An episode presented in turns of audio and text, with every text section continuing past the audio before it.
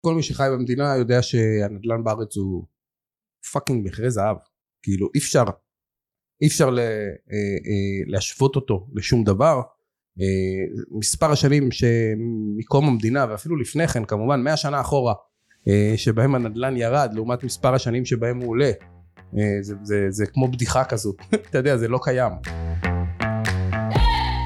שלום לכם עכברות ועכברים יקרים! איך מרגיש לכם המרוץ בימים אלו? מה אתם עושים עוד היום כדי להתקרב אל הגבינה שלכם, או כדי לברוח ממלכודת עכברים? יכול להיות שאתם בכלל רצים על הגלגלת בתוך הכלוב? תנו לי בבקשה פעולה אחת שמקדמת אתכם אל הגבינה שלכם, שתפו אותי מיד בתגובות, ואל תהיו עכברים ביישנים, זה לא מקדם אתכם. לי קוראים גיטה אברהם, מייסד חברת אופק משפחתי, אשר מעניקה ליווי כלכלי לכל החיים. אני מלווה מעל לעשרת אלפים עכברות ועכברים בדרך ליציאה ממרוץ העכברים המתיש ואל עבר הגבינה שלהם. הגשמה עצמית, הכנסות פסיביות וחופש בחירה אמיתי. אני מזמין אתכם למסע של למידה, התפתחות ויציאה סופית ממרוץ העכברים. כל הדרך אל הגבינה שלכם. וזכרו תמיד, ניצחון במרוץ מתחיל בצעד אחד קטן, baby step, אבל חשוב מאוד שהוא יהיה צעד בכיוון הנכון. בואו נצא לדרך.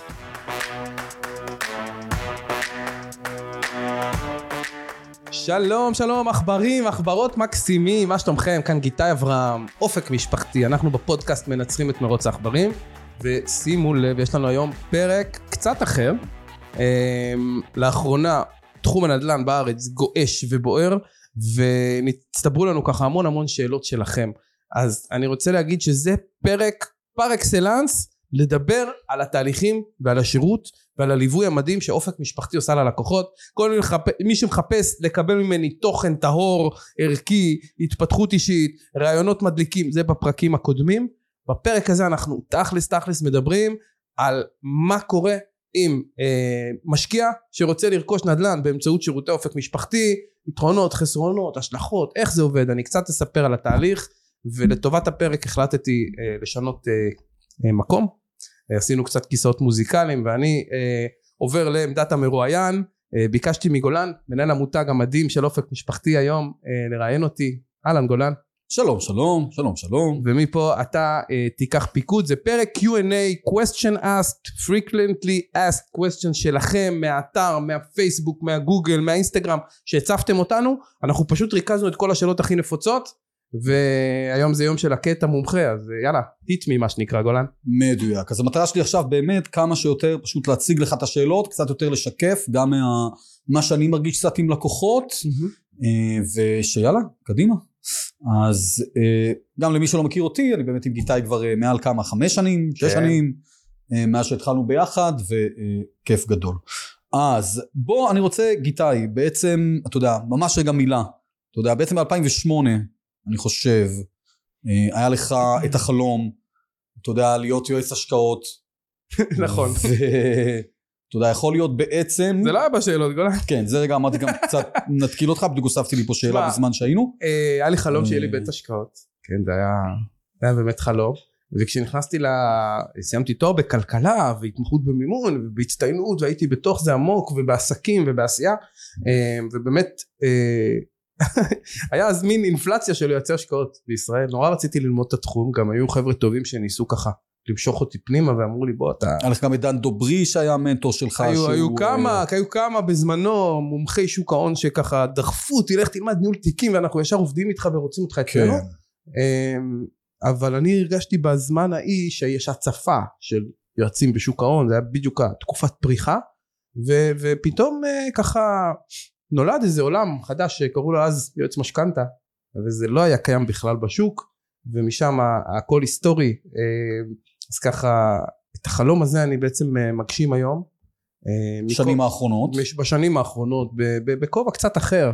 בכובע של מלווה משקיעי נדל"ן בכובע של אסטרטג פחות עכשיו לנהל שוק ולקבוע אם לקנות אג"ח או מניה כזו או אחרת אבל הרבה יותר ברמת המקרו להיות מאמן כלכלי למשפחה ללוות אותה למשך שנים ולהראות להם איך אסטרטגיה של צמיחה פיננסית מתרחשת בזמן אמת, מה עובד לאחרים, מה יכול לעבוד אצלהם, כמובן כל אחד בהתאם לפרופיל וליכולת ולצרכים, אבל אה, כן היום אני אני. מרגיש שבשנים האחרונות אני מגשים חלום ישן, אה, ואפילו בצורה יותר טובה, יותר מדויקת לי. מהמם. כן. מהמם. אז אני באמת אה, אגש כבר, כבר לעניין, אתה יודע, אז בוא, בוא, בוא, כן, אני מי רוצה... שמכיר אותי, אתה יודע, יש המון המון פרקים, הסיפור. האישי, ואפשר לחזור אחורה ככה וממש להכיר אותי לעומק, מי ש- מי שמתעניין. אגב, מי שבאמת מתעניין, יש את הפרק הראשון, זה ממש גם הפרק שאני מראיין אותך קצת על הדרך שעברת וכולי. נכון. אה, פרק מספר אה, אה, אה, 10 לדעתי זה עם דני סולנה, מלווה נדל"ן שלנו, שגם מומלץ לבדוק. ובאמת היום נתרכז נטו בשאלות. אני רוצה, בוא ניגש ישר לעניין. כי באמת אני רוצה גם שככה נספיק, כי באמת המון המון אנשים מדברים איתנו. זה תהליך מאוד מורכב, יש הרבה שאלות בנוגע למימון, בנוגע לתהליך עצמו, בנוגע לתהליך עצמו איתנו, בנוגע לבכלל מה קורה עכשיו בשוק הנדל"ן, והאם האם בכלל כדאי לי ולמי זה מתאים. כן. כן. וכמובן יש גם סוגי השקעות אחרות שגם איתם כמובן אנחנו אה, נותנים את הפתרון ויש לנו הרבה בתי השקעות שאנחנו עובדים איתם וכולי אבל אז באמת שאנשים באים ו- ויש להם הרבה לבטים בין שוק ההון קצת לשוק הנדל"ן איך להתנהל בשוק הנדל"ן להבין אם זה מתאים להם נתחיל לפרק קצת את הכל ו... נדל"ן חו"ל, נדל"ן ארץ, בדיוק. וכן הלאה, אנחנו אה, ננסה לגעת בכל ה- בדיוק. בכל הסוגיות עכשיו אנחנו. נתחיל באמת מלהתרכז רגע באמת באמת בנדל"ן יותר גם אה, אה, בארץ ובוא נתחיל. בתור מי שבעצם כמה כבר בערך 780 לדעתי בספירה האחרונה עסקאות נדל"ן אה, שליווית בהם כבר יותר, כן? אה, כן נראה לי לפי הנכון ובעצם למי מתאים היום להשקיע ברכישת דירה להשקעה בישראל יש לך קצת אה, אני חושב שמי ש... אני חושב שכל מי שחי במדינה יודע שהנדל"ן בארץ הוא fucking מכרה זהב. כאילו אי אפשר, אי אפשר. אה, אה, להשוות אותו לשום דבר. אה, מספר השנים שמקום המדינה ואפילו לפני כן כמובן מאה שנה אחורה שבהם הנדל"ן ירד לעומת מספר השנים שבהם הוא עולה זה, זה, זה כמו בדיחה כזו אתה יודע זה לא קיים. אה, אה, יתרה מזאת תמיד תמיד אחרי אירועים אחרי מלחמות אחרי מחלות אחרי מגפות אחרי כל מיני מיתון למיניהם ואירועים פיננסיים גדולים אה, הנדל"ן מיד קופץ.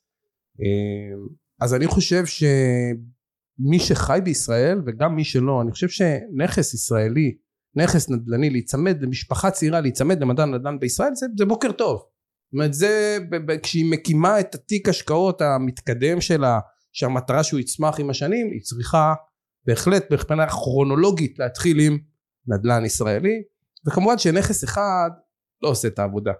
אתה יודע גם רוברט קיוסקי כתב באבא עשיר הבאני שבעצם אה, הבית שלך הוא התחייבות הוא לא נכס. קוראים לו נכס כי, it's זה a נכס liability not a... אבל אה, אתה צריך לשלם עליו אם אתה גר בו הוא רק עולה לך בעצם אה, אה, אנשים עם נכס אחד הרבה פעמים נורא מתלהבים איזה יופי מכרתי ברווח של מיליון שקל. כן אבל עכשיו אתה קונה במיליון יותר אז לא עשית כלום. זאת אומרת המשחק עם נדל"ן כמובן זה מרגע שיש לך שני נכסים.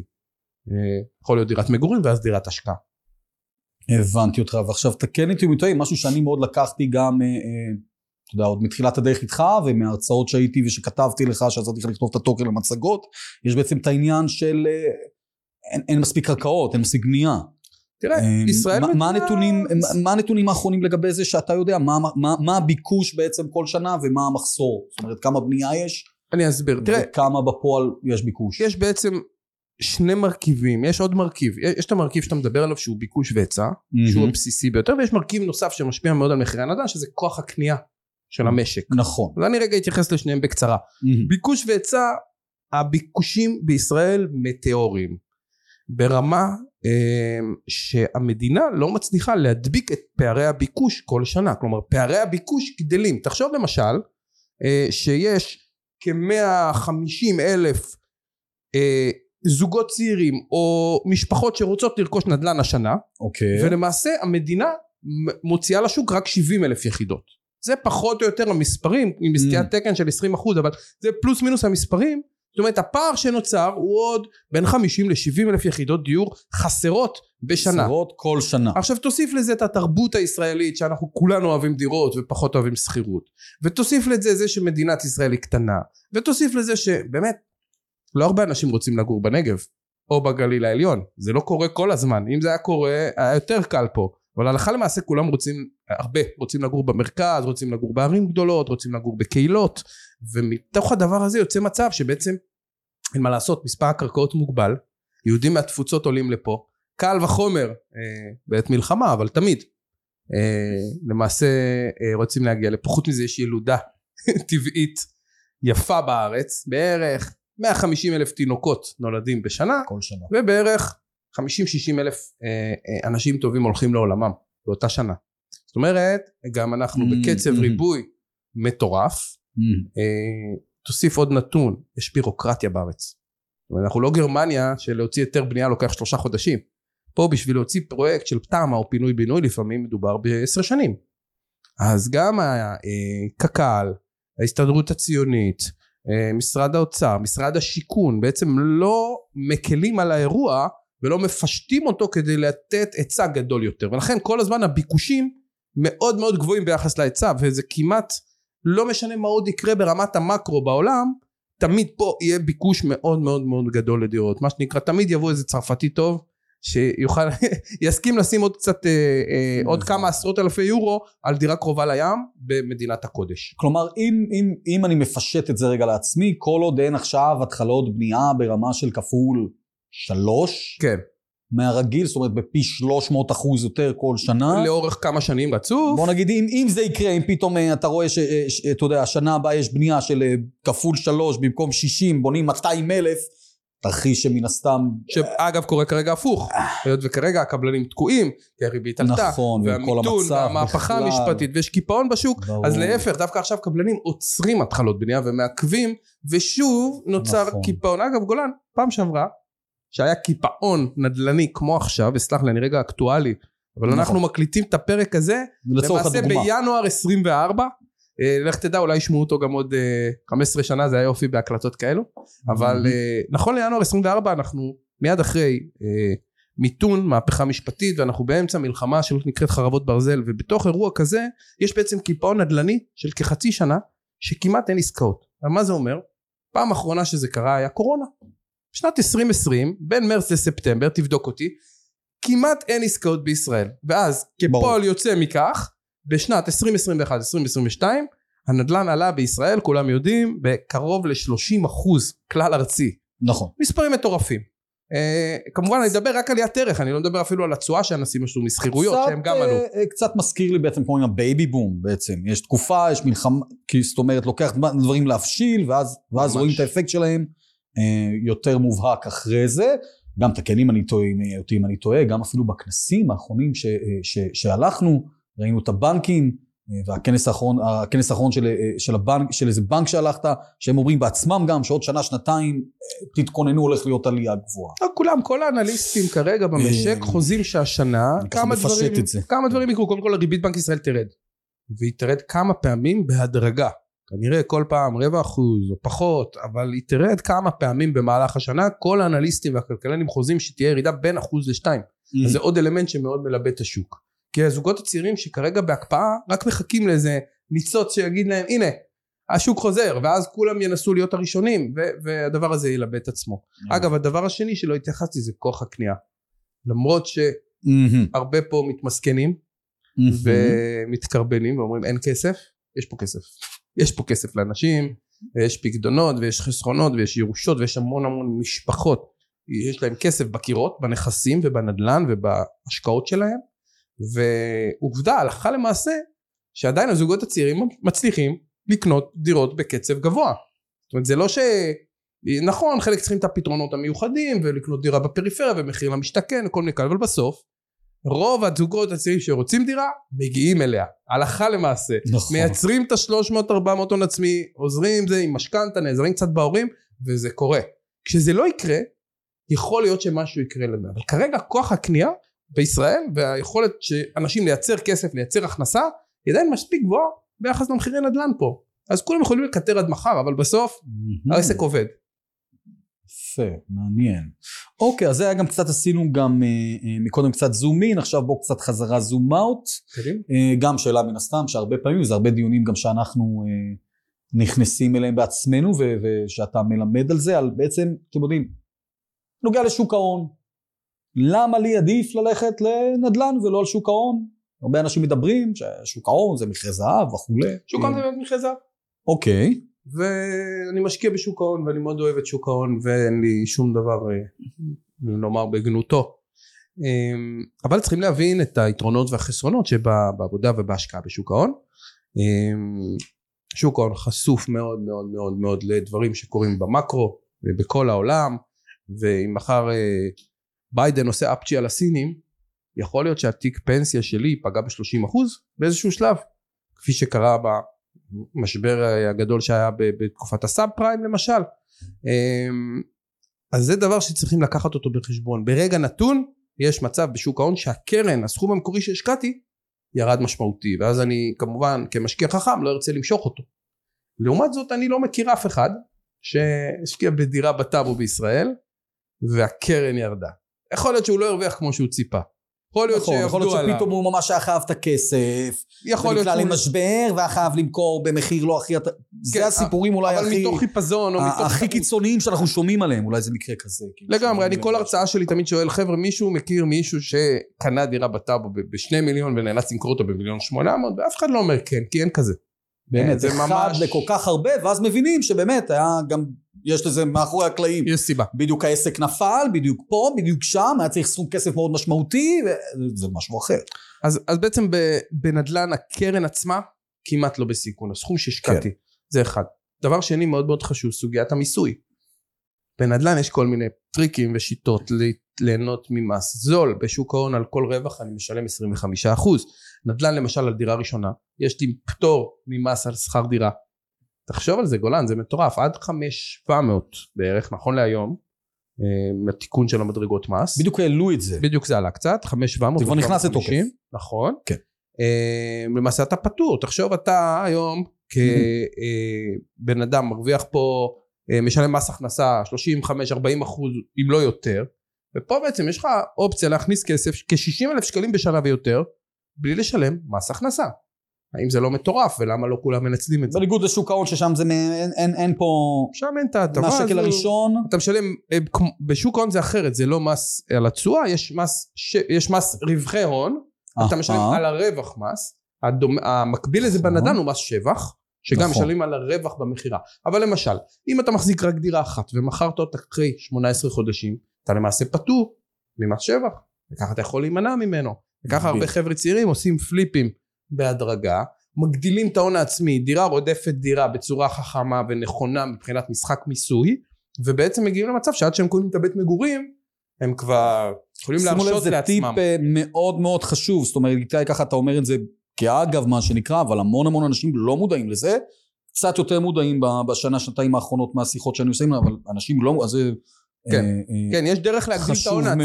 חברים, אם אתם משפחה צעירה. או, או, או אדם פרטי צעיר, ואתם במצב כרגע שיש לכם 100 אלף שקל, ואתם אומרים, אה, זה לא מספיק, אין מה לעשות עם זה, והיועץ הפנסיוני אומר לי, שים את זה באיזה קופת גמל, יהיה בסדר, תחסוך. אז לא בהכרח, זה מה שהוא מכיר גם. בדיוק, לא בהכרח יש עוד דרכים, יש עוד דרכים, והיום יש לנו הרבה הרבה חבר'ה צעירים, שבאים עם הפיקדון מהצבא, ואנחנו עוזרים להם עם זה לקנות דירה בישראל. אז קודם כל הם נצמדים למדד הנדל"ן, וזה מדהים בעיניי. אתה מבין? זה, זה משהו מטורף בגיל 22 כבר להיות, להחזיק דירה בישראל, כי מה שאתה מגיע עם זה בגיל 29 זה, זה, זה עולם אחר. אה, מרגש. זה ברמות. עולם אחר, והרבה חבר'ה שלנו, אתה יודע, בקהילה התחילו עם הון של 100, בתוך חמש שנים ההון עלה ל-400-500, זה לא... זה, זה מה שקרה בשנים האחרונות, למי שהשקיע. בנדל"ן. כן. עוד פרמטר על העניין הזה רק של נדל"ן מול שוק ההון, צריך לזכור, בנדל"ן אפשר למנף. ויש את הדבר הנפלא הזה שנקרא משכנתה, משכנתה היא לא קנס, היא לא, היא, לא, היא לא צרה, היא פריבילגיה. אם, ש- אם זה להשקעה, אם זה למגורים, זה מה שאמרנו מקודם, it's a liability, וזה אנחנו נכון. לא רוצים, זה פחות. נכון, נכון, אבל עוד פעם אתה יודע אנחנו גם צריכים לגור איפשהו וגם כן. פה יש קבלת החלטה מסוים, מורכבת ואמוציונלית אבל בסוף בן אדם שהיום הולך לשוק ההון ומשקיע 100 אלף שקלים ובן אדם שהולך לנדל"ן ומשקיע את אותם 100 אלף שקלים יש ביניהם הבדל אחד אקוטי. זה שהשקיע בנדל"ן הופך את ה-100 אלף שקלים ל-400 אלף שקלים באמצעות משכנתה. כן.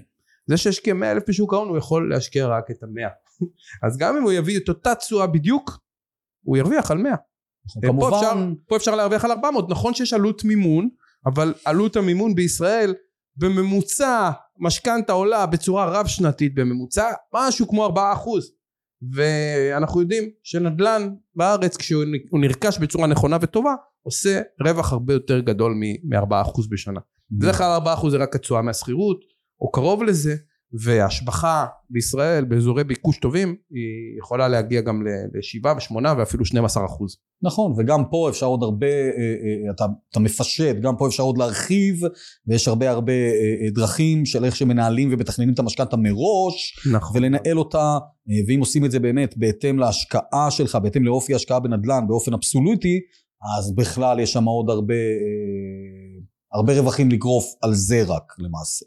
עכשיו, תראה, שאלה שבאמת לפני שלוש, ארבע, חמש שנים היו שואלים אותה אה, הרבה יותר כש, אה, כשהיו מגיעים אלינו, זה השאלה הקלאסית של מה ההבדל בין מתווך לבין מלווה משקיעים. באמת אנשים יותר מודעים לזה בזמן האחרון, באמת. נכון. שנה, אני חושב שנה, שנה וחצי האחרונה, שנה האחרונה במיוחד, אה, אנשים מגיעים אלינו וכבר זה, בוא נגיד פעם זה היה אה, כל אחד לשתיים.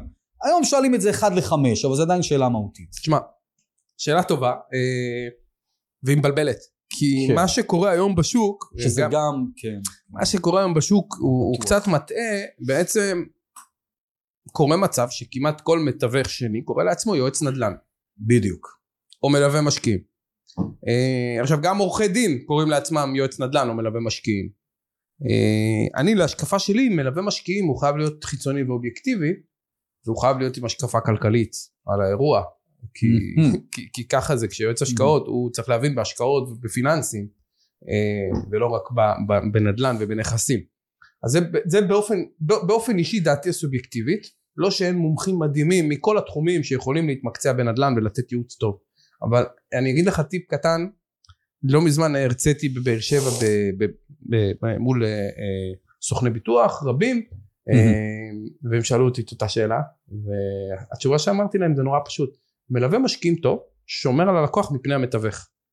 עכשיו זה נשמע קצת סיזיפי כי ברור שמלווה המשקיעים והמתווך בסוף עובדים באיזושהי צורה ביחד אצל כולם זה ככה אבל חייבים להבין דבר פשוט כשאתה בא למתווך לא משנה אם הוא קורא לעצמו יועץ נדל"ן או מלווה משקיעים או, או לא משנה מה הטייטל בסופו של דבר אם הוא מתווך עם רישיון תיווך יש לו על השולחן כרגע 20 או 30 דירות איקס מספר נכסים בבלעדיות שהוא צריך למכור את מי הוא מייצג? את המוכר ברור. קודם כל. חתם איתו על הסכם בלעדיות, בוודאי. שלוש חודשים, שש חודשים. שלושה חודשים, שישה חודשים, התוקף יפוג מתישהו. זאת אומרת, אם הגעת בזמן נתון לאיזשהו מתווך, כן. אותו מתווך אומר לך, תשמע גולן, בוא נגיד שלאותו מתווך יש 20 דירות, אבל שתיים מהם, הם, הם, הם, הם עוד שבועיים הוא מאבד את הבלעדיות עליהם.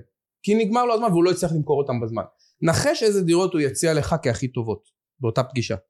זאת אומרת, העסקה היא די ברורה, בסוף הוא איש מכירות. יש לו מוצרי מדף שהוא צריך למכור. והוא ימכור את מה שתכף פג תוקף זה רק טבעי אה, אוקיי או שבכל מקרה איש מכירות שיש לו מוצרי מדף מוגבלים יש עניין תמיד שהמכירה היא, היא לא אובייקטיבית זה כמו שלקוח פונה לקחת משכנתה נגיד רק לבנק שלו אז יש את המוצרים של הבנק שלו אבל מה עם מוצרים של בנקים אחרים היתרון של מלווה משקיעים טוב הוא שהוא גם יודע להפיל עסקאות למתווכים שלו שהוא יודע לנתח לבדוק ולראות את כל המסביב ושהוא עובד עם מספר רב של מתווכים גם באותו אזור ויודע להצליב mm-hmm. ביניהם את המידע ואת החומר ובאמת לייצר את העסקה שהיא הכי נכונה ללקוח.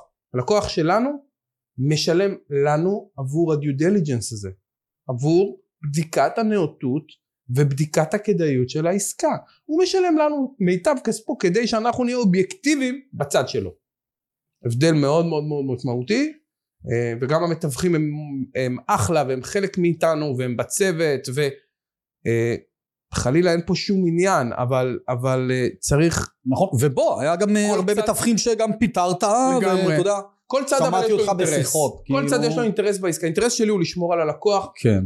ולהיות איתו לאורך זמן האינטרס של המתווך הרבה פעמים זה לסגור את העסקה החמה כרגע וזה בסדר גמור אבל בתוך מערכת האינטרסים נכון יותר לעבוד עם מין משולש כזה שיש גם מישהו ששומר עליך בדיוק בדיוק כמו שלקוח טוב לא לא לא יתפתה לחתום על חוזה בלי עורך דין מהצד שלו נכון? נכון. זה קצת מוזר נכון. אז מי שלא חי נושם בועט נדל"ן מכיר את כל הניואנסים הקטנים צריך לחשוב פעמיים לפני שהוא הולך ישירות למתווך ובעצם סוגר מולו עסקה כי, כי יכול להיות שמערכת האינטרסים היא קצת אה, לא אובייקטיבית עד הסוף. מצוין תודה עכשיו שאלה ש... אני רגע אפרק אותה. אתה יודע, הרבה אנשים בעצם באים ויש להם הרבה התלבטויות, אוקיי? נכון. הם הרבה פעמים אפילו לא מבינים שבעצם ההתלבטות זה בין פליפ לרנטל, כי מן הסתם לא כולם יודעים בדיוק מה המשמעות של flip, או rental, או אקזיט אה, וכולי, אבל הרבה פעמים באים ולא בטוחים, אני רוצה השקעה, אה, לא בטוחים לגבי האזור, מתלבטים לגבי כמה אזורים. מתלבטים מה יותר חשוב, התשואה החודשית, או להגדיל את ההון העצמי. מה הדרך המדויקת לעשות את זה? זאת אומרת, יש פה הרבה עניין של אסטרטגיה, של להבין באמת מלכתחילה, לבנות את האסטרטגיה הנכונה, שלאותו משקיע או זוג אה, יהיה להם הכי טוב. אז איך, בעצם, אתה יודע, תן לנו טיפים איך מתחילים לעשות את זה. אני חושב שזה אה, באמת ה basic, דבר ראשון שאנשים צריכים קצת, קצת יותר להבין את זה ולהקדיש לזה זמן, ומשם יש הרבה הרבה קסם ותוצאות. נכון מאוד. אז אחד, ה... אחד הדברים שאני מאוד מאמין בהם, אמרתי את זה גם קודם, שאני חושב שמלווה אנשים להשקעות, צריך להבין את הצרכים העמוקים של משפחה. צריך להבין מה משק הבית אה, זקוק כדי להתקדם, כדי לצמוח, מה החששות, מה הפחדים. אה, ברגע שמגיעים מתוך עולם האימון, מתוך עולם הכלכלה, מתוך עולם הכלכלת בית והמשכנתאות והאשראי, אז הדברים הם קצת יותר פשוטים. אמ, המומחיות שלי כמנטור היום זה לבנות תוכניות כאלו של אסטרטגיה צמיחה פיננסית, ואני בונה אותם חמש או עשר שנים קדימה. עם אה, נקודות ציון ועם צמתים ועם פעולות מאוד משמעותיות. אז מה, מה, מה, מה עוזר לך? אתה יודע, אני אשאל אותך עליך, על התהליך שאתה עובר עם האנשים, אבל כל אחד מן הסתם גם ייקח את זה למקום שלו. אה, כמובן שתמיד אנחנו ממליצים להתייעץ באיש מקצוע, אבל בואו, קחו קצת, אה, בואו ניקח קצת טעימה. מהמם. בואו נעשה קצת טעימה. איך אתה ניגש? עכשיו הגעתי אליך, גיטאי, באמת אני מתלבט, איך, מה קצת התהליך או השאלות או הדברים שחשוב לגוע בהם. אז שמע, קודם כל אנחנו נכיר ונבין מי אתה ומה אתה צריך.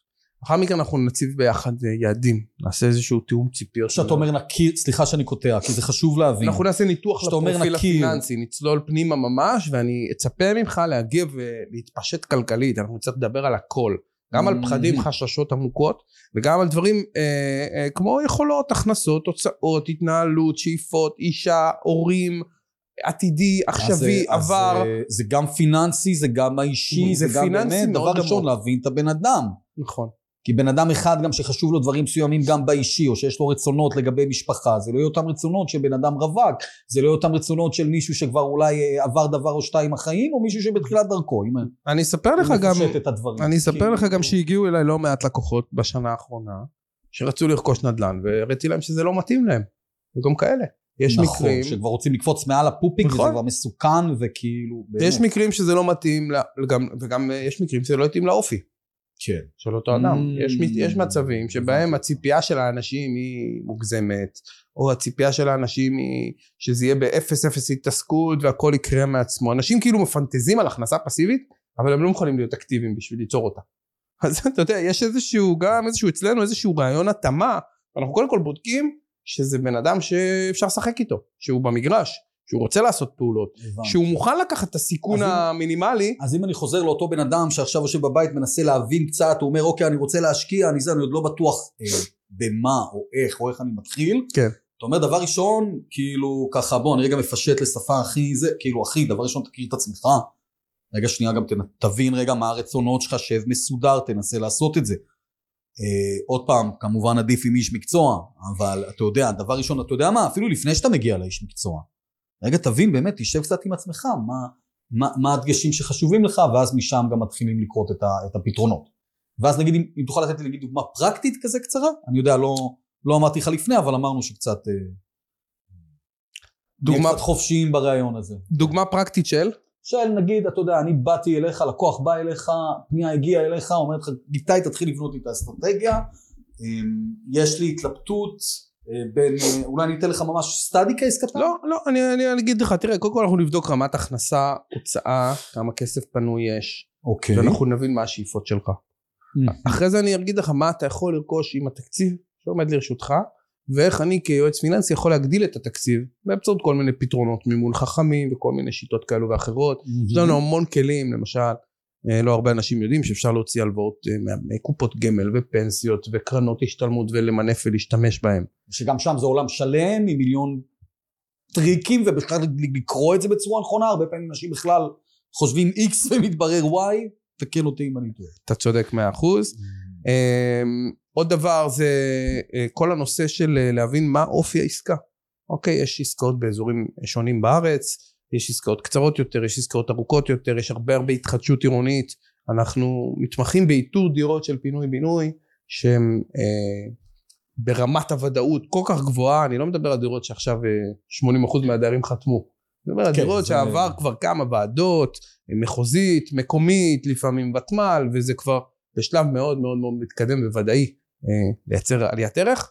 אה, ואת הדירות האלו אנחנו הולכים עם האנשים יד ביד, מראים, מסבירים גם יתרונות, חסרונות, צפון, דרום, אה, ומנסים בסוף להתאים את האסיר למכסה שלו, ולא, אתה יודע, חלילה לדחוף למישהו משהו שהוא לא נכון לו, או שיוצר לו סיכון גדול, או שגורם לו לא לישון בלילה. מאוד מאוד מאוד חשוב לנו, כשאנחנו עושים אה, ליווי למשפחה, או לכל אדם, שהחוויה תהיה טובה. שהוא ירצה לחזור עליה. שזה יהיה לו נעים וכיף. כי כל הקטע באופק משפחתי, היא שנורא נורא פשוט וקל לעשות איתנו נדל"ן בצורה טובה ומוצלחת. צריך להיות קצת קואוצ'בילים להקשיב, להיות מוכנים להתאמן וללמוד, ו... ואז הקסם הזה קורה. אגב, דיברת על הוועדות, סתם רגע ככה זה אה, נותן לי שאלה ספציפית שהרבה גם שואלים אותנו, אה, בעצם כמה זמן בדרך כלל זה לוקח בוועדות? יש איזשהו צפי של זמן? או... אז זה מאוד תלוי אם זה ברמה מקומית, אה, מחוזית או ארצית. Mm. אם זה ברמה Mm. הארצית, אה, אין הרבה פרויקטים כאלו בארץ, אבל יש משהו Mm. כמו כמה עשרות בשנה. במצב הזה באמת זה קורה קצת יותר מהר. אבל בדרך כלל פרויקט של פינוי-בינוי, על הוועדות. אני לא מכיר. אני לא מכיר הרבה פרויקטים שהמשך זמן שלהם הוא פחות מחמש-שש שנים. בדרך כלל זה בין חמש לעשר, מהרגע שמתחילים לייצר התכנות עד, אה, עד הרגע שיש היתר. אה, ומההיתר כבר בדרך כלל רץ, בדרך כלל שנה-שנתיים, כי כבר money talks והקבלן בלחץ והוא כבר צריך לעלות עם טרקטור על הקרקע. אבל אה, לרוב זה מסע של עשר שנים, אנחנו ברוב המקרים מנסים להיכנס אליו פחות או יותר באמצע הדרך. כשאנחנו כבר יודעים שהרבה אנשים השקיעו כסף בפרויקט, אולי מהנדס העיר כבר חתם עליו, אנחנו ממש הולכים לעירייה ומוציאים תיק בניין, יש בנק מלווה. בודקים שיש בנק מלווה, בודקים שיש אה, אה, תב"ע אה, אה, מתאים, לפעמים מדברים עם מהנדס העיר, מבינים קודם כל שבבניין הזה הולך להיות פינוי בינוי ברמת ודאות גבוהה, כן. ואז אנחנו למעשה עושים את הצעד הבא שלאף אחד אין כוח לעשות, דופקים לאנשים בדלת. ממש עוברים דור טו דור, ואומרים לאנשים שלום, יש לך בית פה בקריית ים, מול הים, מהמם, השמאות שלו היא 950 אלף שקלים, ויש לנו בקהילה רוכש רציני מהמרכז שמוכן היום להשקיע מיליון עשרים. אז אתה יודע, אתה עובר ככה כמה וכמה דלתות, 30 איש יגידו לך לא כרגע, אבל אה, או שיגידו לך מה אתה משוגע, יש פה פינוי בינוי. אבל הבן אדם ה-37 שדפקנו, שדפקנו לו בדלת אומר וואלה, בדיוק באת לי טוב, אני אה, מתגרש.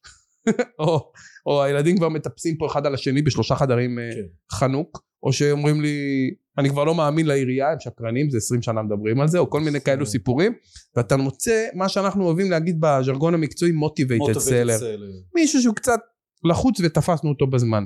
באותו רגע מחתימים אותו על בלעדיות עבורנו, שלדעתי, סליחה שזה זה א' ב' שלך. כן, זה הדרך א' עבודה. ב' אנחנו רוצים motivated seller ורוצים רוצים, לרכוש רוצים קנייה מתחת למחיר שוק. כבר מתחת למחיר שוק כדי לגדר את בוודאי. הסיכונים שלנו. אגב, בעסקה הזו נורא יפה מה שקורה, כי יש פה באמת ווין ווין ווין. יש פה מוכר שמוכר כן. מעל מה נכון. שהשווי הממשי היום, ויש פה קונה שמבין את הערך העתידי ומוכן גם על זה לשלם פרמיית סיכון גבוהה יותר, ובסוף זה באמת עסקה שבעיניי היא ווין ווין ווין, כולם נהנים ממנה בצורה יפה. כי גם המוכר של הדירה הוא לא, הוא לא, אף אחד לא עובד עליו, הוא מקבל שווי קצת יותר, מגולם חלק מהפינוי בינוי בעסקה, ומצד שני או הקונה, בוא, סליחה, בוא, לפעמים לא, וזה בסדר, אותו, אותו אה, מוכר, אתה יודע, נהנה שנים, זאת אומרת, קרוב לוודאי שהוא קנה לפני כמה שנים, כבר עשה עשרות והכל בסדר. יכול הוא גם ילך לדבר הבא הוא עושה. סיבוב גם כן. בדיוק. בוא, בוא נזכור את זה עם המחירי, איך שהנדל"ן, מחיר הנדל"ן עולים, הכל בסדר.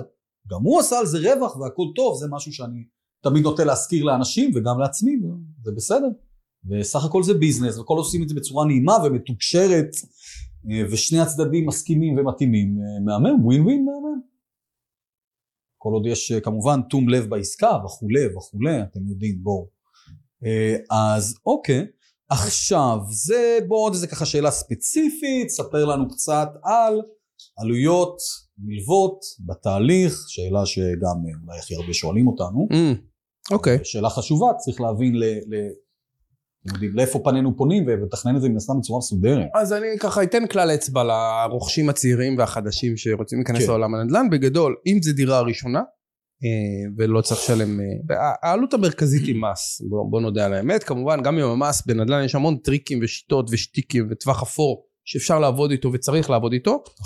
אה, ואנחנו אולי נרחיב על זה תכף, אבל בגדול, מי שרוצה אה, לקנות דירה ראשונה להשקעה, צריך לדעת שיהיה לו עלויות נלוות שסביב השישה-שבעה אחוז מהעסקה. זאת אומרת, על נכס של מיליון שקלים, נאלץ לשלם בערך עוד 70 אלף שקלים, אם זה למתווך שגובה 2 אחוז על העסקה, מהמם. אם זה מלווה משקיעים, שבדרך כלל עולה עוד כ-20-30 אלף שקלים, אם זה יועץ משכנתה טוב, שעולה עוד כעשרת אלפים שקלים, אם זה אה, עורך דין שיעלה כחמשת אלפים שקלים, נכון. ולפעמים אה, אגרות בבנק, רישומים, אה, עמלות נלוות, שמאי. שמאי, מהנדס, אה, עלויות קטנות, מהנדס ביטוחים. לפעמים צריך, שמאי תמיד צריך את השמאי של הבנק לפחות. נכון, אז תחבר ככה את כל העלויות האלה, אתה תגיע פחות או יותר ל-60-70 אלף שקל, נכון. שזה עלות סבירה עבור, אה, עבור נכס ראשון. במידה ומדברים על נכס שני, למעשה מצטרף לכל החגיגה הזו עוד 8% מס רכישה, רכישה. וככה העלויות קופצות כבר לאזור ה-14-15 אחוז מסך העסקה. ועדיין, אנשים מרוויחים מצוין מנדל"ן, לגמרי. אין בזה שום... אה, לפעמים מצחיק אותי שאנשים באים ואומרים, מה, אבל אני... למה אני אקנה דירה? בסוף אני אשלם מס שבח. מס שבח זה מס על הרווח. אתה רוצה לשלם אותו ואתה רוצה לשלם אותו כמה שיותר. אה, כמה שאתה משלם יותר מס, זה אומר שהרווחת כנראה פי שלוש לכיס, מן הסתם. אה, מס רכישה, שוב, אומר שרכשת דירה שנייה, זה נהדר. אה, לרוב עליית הערך כבר בשנה הראשונה בישראל מוכיח, אם קונים נכס נכון, עוד פעם, לא, לא אם קונים נכס בטעות ובמחיר לא נכון. נכון. אבל אם קונים כבר מתחת למחיר שוק, והאזור הוא אזור ביקוש שעולה, בדרך כלל רוב המשקיעים שאני פגשתי, מכסים את עלות מס רכישה שהם שילמו בשנה הראשונה, גם אם הוא היה 8%. אם לא בשנה הראשונה, בשנתיים הראשונות. אם אתם מחפשים סיבוב קצר, יש כל מיני אלטרנטיבות במשק, אבל מי שמשקיע טווח ארוך ורואה תוכנית צמיחה אסטרטגית לאורך זמן, אני חושב שנדל"ן זה המקום בשבילכם.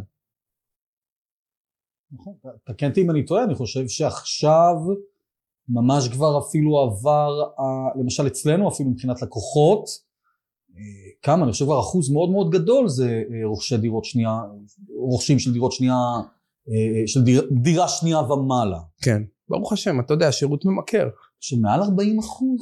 ברגע שמשהו עובד, אנשים חוזרים שוב ושוב, כן. שנתיים אצלנו בקהילה גם יש ליווי ויש אחריות, זה אחד מהבידולים שלנו, שיש מעטפת שלמה, וברגע שמישהו מגיע ורוכש איתי דירה, הוא יודע ש... קודם כל הוא יודע שכל אנשי המקצוע הם אנשי אמון שלי. שזה יתרון מטורף, אתה יודע, לא צריך להסתכל כל שנייה מעבר לכתף, הרבה אנשים עושים עסקת נדל"ן כל הזמן חוששים שמישהו עוקץ אותם, שמישהו לקח להם, שמישהו עבד עליהם, ש, שהם לא ידעו בדיוק את הפרטים והם שילמו שכר לימוד יקר מדי. אם זה מול עורך דין, אם זה מול מתווך, אם זה מול אה, אה, אה, המוכר אה, וכל הגורמים שמסביב. אה, אז אחד הדברים בתהליך איתנו זה שאנחנו בית חם כזה שאורז את כל האנשי מקצוע אה, תחת אה, מטריה אחת, ו, וכמובן ש... אה, אני בעצם אה, עובד איתם אה, כסיטונאי, כספק עבודה, ולכן השירותים שלהם יהיו הרבה יותר זולים, הרבה יותר איכו- איכותיים, והם כולם מכירים את הנושא של האחריות באופק משפחתי. זאת אומרת, אין שם אחד עכשיו שירשה לעצמו להגיד משהו לא נכון או לא במקום שהוא לא עומד מאחוריו, מכיוון שהוא יודע שהלקוח חוזר אליי עוד חצי שנה או שנה לעבוד בזה, לבדוק מה היה, מה נהיה, איך הנכס, מה עם המשכנתה, האם דברים הם, אה, הם טובים או מצוינים או יותר מזה. אז זה בדיוק המעטפת וזה ככה גם מונע מצב של חוסר אמינות וחוסר אה, מהימנות במהלך. מקווה שעניתי לך על השאלה. כן, אני סתם, עולה לי כזה איזה אנשים מחשבה. חוזרים, אנשים חוזרים לדירה שנייה ושלישית כשהם, אה, כשהם מרגישים שעשינו משהו מטורף בדירה הראשונה, וברוב המקרים זה קורה מיד. ברוב המקרים עושים עסקה ואז נפתח התיאבון ואז זה, ואז רואים שאפשר לעשות עכשיו עסקת קבלן ויש איזה טריק עם המס וזה, ויאללה תמשיכו, מה שנקרא. רק אל תתנו לנו להפריע לכם. סתם, אני חייב להגיד משהו ולעקוץ, אני אומר, כאילו, נראה שאחלה, אוקיי, עכשיו אני, הכל מתחבר. אומר, אני, אני מבין למה עבדת על זה מ-2008. כן. אה, זה, זה מה שאני אוהב באמת, שיצרנו סיסטמה מאוד מסודרת, כאילו באמת, רגע, למקום הזה בדם, יזע ודמעות, ועבודה המנ- קשה. היום המנגנון הוא מטורף. איזה וכאילו, קסם זה? חמש שנים אנחנו בבנייה מטורפת, בעבודה, יום אחר יום ושישי שבת, מה שצריך, מה שצריך. והסיפוק והאושר הוא ענק, כאילו אחרי שאתה כבר, אתה יודע, הגעת למקום שאתה מנהל בקהילה של כמה, של מעל עשר אלף אנשים במצטבר שעברנו. כן. שמסייעים להם בתהליך כזה או אחר, אם זה בייעוץ משכנתה. שפונים אליי כמעט בכל אם זה צומת כלכלת כלכלית. משפחה, נכון. בדיוק, אם זה עוד בדיקות מחזור וכל מיני שירותים שאנחנו נותנים במסגרת השירות שלנו אחרי זה, וכאילו, באמת ברכה גדולה. ברכה כן. גדולה. אני חושב במיוחד גם בזמן הזה. עכשיו, באמת לקחת אותנו, אה, באמת למקום שרציתי להגיע, ככה כמה שאלות באמת קצת ממש על התהליך איתנו. אוקיי. אוקיי? כי באמת אני רוצה שאנשים שפונים אלינו שממש יבינו רגע לעומק. תראו, בעולם שלנו גם, אני רוצה רגע לתת פה משפט חופשי, ש, שבאמת לא כתבתי. בעולם שלנו, העניין של האמינות הוא באמת מאוד מאוד חשוב. אוקיי? יש הרבה מלווי נדל"ן. אמ, אני באופן אישי, אמ, בתור מנהל המותג של אופן משפחתי, תמיד מנסה to put it out there. כלומר, אנחנו תמיד מנסים אה, כמה שיותר לפרסם על ההצלחות שלנו ושל הלקוחות שלנו. זאת אומרת, אנחנו מעלים לפייסבוק ולאינסטגרם ולטיק טוק וללינקדין ובערך לכל מקום וליוטיוב, ובטח שכחתי עוד כמה דברים, ולטוויטר ולמערכת דיוור שלנו כל הזמן. טוב, גיטאי, אז אה, עברנו על הרבה שאלות ויש לנו עוד הרבה דברים לשאול. אה, נכון. בואו ננסה עכשיו לעשות ככה אה, סיבוב מהיר של שאלות ששלחו לנו. אז גיטאי, מה הדבר שהכי חוזר עליו שלקוחות אה, אומרו, אומרים לך בסיום התהליך? חבל שלא עשינו את זה לפני חמש או עשר שנים. זה רוב ה... זה. וואלה. או מתי יש לנו אה, הזדמנות ל- לעשות אה, סיבוב נוסף. אה, זה, זה רוב השאלות שעולות אחרי, אחרי, אחרי, אחרי שרוכשים דירה אחת להשקעה. הבנתי. עכשיו גיטאי, מה תגיד לאנשים שמתלבטים? האם לעשות בעצמם, או כן להשתמש בשירות שלך? אני תמיד אומר לכולם, בכל מקום שאני עולה על במה או מקליט, חבר'ה, יועצים זה קיצור דרך להצלחה. תפסיקו לנסות לעשות לבד. אה, נכון שהיום יש תוכן בכל מקום, וזה לא העניין לצרוך תוכן, אתם גם רואים, זה הולך ומתגבר, יש קורסים דיגיטליים ויש תוכן ביוטיוב, ואם אתה רוצה ללמוד לעשות משהו, אתה יכול בקלות מכל מקום. אבל מי שבאמת רוצה לדעתי לא לעשות טעויות, והיום לא צריך, לא צריך בכוונה ליפול בבורות שאחרים נפלו בהם, אפשר פשוט ללכת עם מישהו שכבר יודע את הדרך הנכונה ואת השביל בין הבורות ואני חושב שזה נתיב מהיר להצלחה שעושים עסקאות גדולות שעושים עסקאות גדולות קונים דירות ולוקחים משכנתה ומחייבים את המשפחה אבל אין, אני... אין מרווח טעות בעיניי אין מרווח טעות צריך לדייק גיטאי, אבל אני כן קצת אקשה עליך. יאללה. כאילו בכל זאת, זה 50-70 אלף נכון של להשקיע. נכון זה משתלם התהליך איתך? מאוד משתלם מאוד מחזיר את עצמו פי 20 פעם ראשונה כבר במשא ומתן על הדירה אנחנו בדרך כלל מחזירים יותר ממה שעלינו. פעם שנייה בהוצאות הישירות על כל הספקים דרכי אתה תשלם להם 40-50 אחוז פחות ממה שאתה תשלם לבד. פעם שלישית מה עם השכר לימוד? מה עם זה שאני עשיתי מאות עסקאות ואני חי ונושם את הדבר הזה את המשא ומתן ואת ההסתכלות ואת הזוויות? כל נכס מפיקים דוח כדאיות מקיף בודקים אותו מכל הצדדים, בודקים את כל המדדים, בודקים דיווחי משך, בודקים מדד למטר, בודקים אה, אה, מדדי שכירות, מוודאים שאנחנו מנצחים בכל הפרמטרים, וכשאנחנו עושים עסקה בצורה הזו, הלקוח הטוב מרגיש שהוא החזיר את ההשקעה בנו עוד לפני שהוא חתם על הדירה. אוקיי. עזוב את הרווח ואת התשואה ואת ההשבחה. אתה יודע מה נגיד, ואני אומר, אוקיי, אה, אה, אה, אה, סבבה, נשמע לי בסדר. אה, בכל זאת, מה נגיד הסיכון בלעשות תהליך איתך? תמיד יש סיכונים בחיים, בוא. תמיד יש סיכונים, אתה לא יכול להשקיע בלי להסתכן, אתה גם לא יכול לעבוד עם, עם כל בן אדם אחר בלי לקחת סיכון מסוים, תמיד ששותף לדרך זה מסוכן, אפילו להתחתן. uh, בסופו של יום, אני חושב ש... אני חושב שב-99% מהתהליכים אנחנו מגיעים לכדי עסקה. הסיכון uh, במקרים מסוימים הוא כן שצריך קצת למנף, שצריך קצת, uh, יש כמה שיחות טלפון כל שנה סביב האירוע הזה, צריך קצת להתכונן לזה. כמובן שבמסגרת התהליך אנחנו עוטפים ומסדרים את הראש ומסבירים מה כן ומה לא. אבל יש המון עשה ואל תעשה בדבר הזה. ואני חושב שלצלול לשטח בעצמך, לקחת את כל הסיכון עליך, זו מראש מראש טעות ש... שלא כדאי ליפול בה. והסיכון הוא בעיניי הרבה יותר גדול לא לעשות פעולה, או לעשות אותה לבד מאשר לבוא לגוף מקצועי שיש לו הוכחות ויש לו כלים ויש לו ניסיון ויש לו ידע ומעטפת והרבה מומחים שנותנים את, ה, את הגושפנקה אז אתה הרבה יותר בוודאות. תראה בסוף לא, אני לא היחידי באופק שחותם על העסקאות. אני חותם עליהם מלמעלה כמלווה ומנכ"ל אבל יש גם מומחי נדל"ן אצלנו ויש גם מומחי משכנתה רבים ויש גם שמאי טוב שאנחנו סומכים על דעתו ויש מהנדס טוב שאנחנו סומכים על דעתו ויש צוות שטח שבודק בעירייה ויש עורך דין שמוודא את ה... ויש מעטפת זה לא רק בן אדם אחד וברגע שעשרה מומחים טובים שאתה ביחסי אמון איתם מסביבך אומרים לך גו אתה יודע מה קורה לך? אתה ישן טוב בלילה. הבנתי אותך. אוקיי, ואתה יודע, למי השירות מתאים? אנשים שזה לא מתאים להם ושכן? השירות מתאים לכל מי שלא מוכן להתפשר על החיים. כל מי שרוצה להוציא קצת יותר מהעולם הזה, בסיבוב הזה. אה, השירות מתאים לאנשים שהם קואוצ'בילים, שהם מוכנים ללמוד דברים חדשים. מי שבא ככה סגור, נעול, עם גישה הרמטית ויודע מה הוא עושה, עדיף באמת שיעשה לבד. מי שבא קצת ללמוד, קצת להקשיב ופותח את הראש לעוד עולמות, מדהים ומוזמן. Uh, בגדול, כל אדם טוב עם uh, מעל 100 אלף שקלים uh, נזילים בדרך זו או אחרת, לגמרי מוזמן איתנו למהלך שיעשה הגדלה והכפלה ושילוש של ההון העצמי הזה בזמן מאוד מאוד מאוד קצר. תבואו תראו ותיווכחו בעצמכם. ואני, אתה יודע מה, אני אפילו נקשה עוד קצת, ונגיד, בכל זאת, סבבה, אתה יודע, בן אדם שומע אותך, אומר, אחלה, נשמע לי טוב, נראה טוב, למה, למה בסוף שאני אאמין לך? בוא, הכי תכלס, מה שמה, בסוף? אני חושב ש... מ-2008 ועשרת אלפים משפחות שליווינו אה, יכולים להמליץ ולהעיד על כך. אוקיי. אה, המון המון סיפורי הצלחה, המון משקי בית שכבר הכפילו והגדילו את ההון העצמי בצורה משמעותית.